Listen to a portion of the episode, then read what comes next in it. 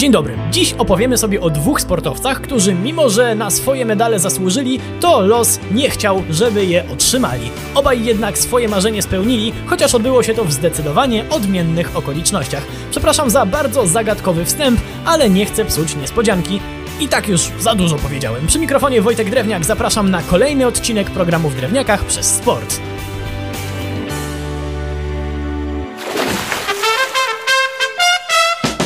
Zacznijmy od mrożącej krew w żyłach historii pewnego meksykańskiego pływaka Felipe Munioza. Nie był on faworytem na dystansie 200 metrów na olimpiadzie w 1968 roku. To nie tak, że ktoś wymagał od niego nie wiadomo jakiego wyniku, ale był potwornie ambitny, a jak jeszcze do tego dodamy gorącą latynoską krew, to otrzymamy bardzo odważną i niebezpieczną deklarację. Otóż niedługo po zakończeniu zawodów, w obecności kilkuset osób, w kościele Felipe przysiągł, że jeśli na następnej olimpiadzie nie zdobędzie złotego medalu na dystansie 200 metrów, to się zabije. Tak się jakoś sprawy potoczyły, że po kilkunastu dniach za sprawą szukających sensacji dziennikarzy o deklaracji trąbił już cały Meksyk, który umówmy się już wtedy nie był małym państwem. Teraz dopiero można było mówić o presji, jaką sam sobie narzucił Felipe Munoz. Ciekawe, co sobie Meksykanin pomyślał, kiedy przyszedł wreszcie finał na 200 metrów na Olimpiadzie 4 lata później, kiedy stał na słupku startowym obok swoich rywali, z których absolutnie każdy był od niego ze dwa razy większy i trzy razy bardziej umięśniony.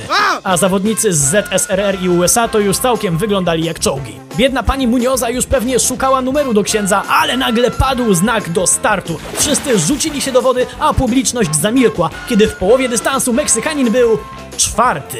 Jednak w tym momencie włączył się chyba osobliwy dopalacz w postaci instynktu samozachowawczego. Organizm krewkiego Meksykanina zaczął walczyć o życie. Z każdym metrem przesuwał się do przodu, aż wreszcie przyszedł ostatni nawrót. Do mety było 50 metrów, a przed Muniezem tylko jeden zawodnik. Wtedy też milcząca do tej pory w przerażeniu publiczność ryknęła setkami gardeł. Zaczął się ogłuszający doping, którym niesiony Felipe dotknął ściany basenu o pół sekundy przed drugim zawodnikiem. Ludzie oszaleli, przedarli się przez ochronę, wyciągnęli niedoszłego samobójcę z wody i triumfalnie nosili na ramionach. Za to w wodzie wylądował amerykański trener chłopaka, który nie protestował mimo złamanej ręki na temblaku. Tak oto śmiertelna presja narzucona przez samego siebie zapewniła złoto reprezentantowi Meksyku.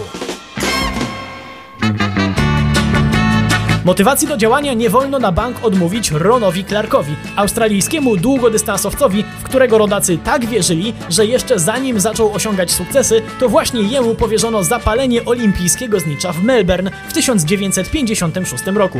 A później? Później zdecydowanie zasłużył na ksywę łowca rekordów. Pierwszy rekord świata na dystansie 10 km ustanowił w 1963 roku. Na połowie tego dystansu, dwa lata później, ale uznał, że można lepiej i potem go poprawił a potem jeszcze raz. Nie ma się zatem co dziwić, że był faworytem na niejednej olimpiadzie. Pierwszy raz na tej imprezie pojawił się w 1964 roku w Tokio i totalnie zawiódł. Na 10 km zdobył tylko brąz, a na 5000 metrów i w biegu maratońskim było jeszcze gorzej. Obu przypadkach zajmował dziewiąte miejsce. No co tu zrobić? Trzeba było w takim razie wrócić do ostrego trenowania i spróbować za 4 lata w Meksyku. Jednak tam i na 10 i na 5 km był szósty. Klapa kompletna. Tyle tytułów mistrza świata, tyle rekordów, a żadnego olimpijskiego złota. Jednak najlepsi z branży potrafili docenić talent pechowego Australijczyka. W 1968 roku Ron Clark pojechał do Pragi, żeby spotkać się ze swoim wielkim idolem, czechosłowackim mistrzem na długich dystansach, Emilem Zatopkiem. Spotkanie z idolem przebiegało dość typowo. Stary mistrz okazał się super gościem, a Ron był bardzo zawstydzony, ale generalnie było bardzo miło.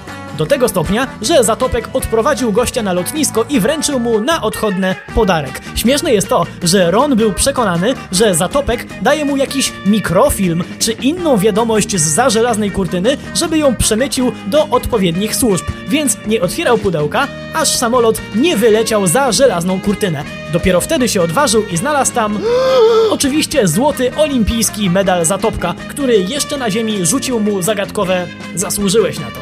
Przy mikrofonie był Wojtek Drewniak. Do usłyszenia.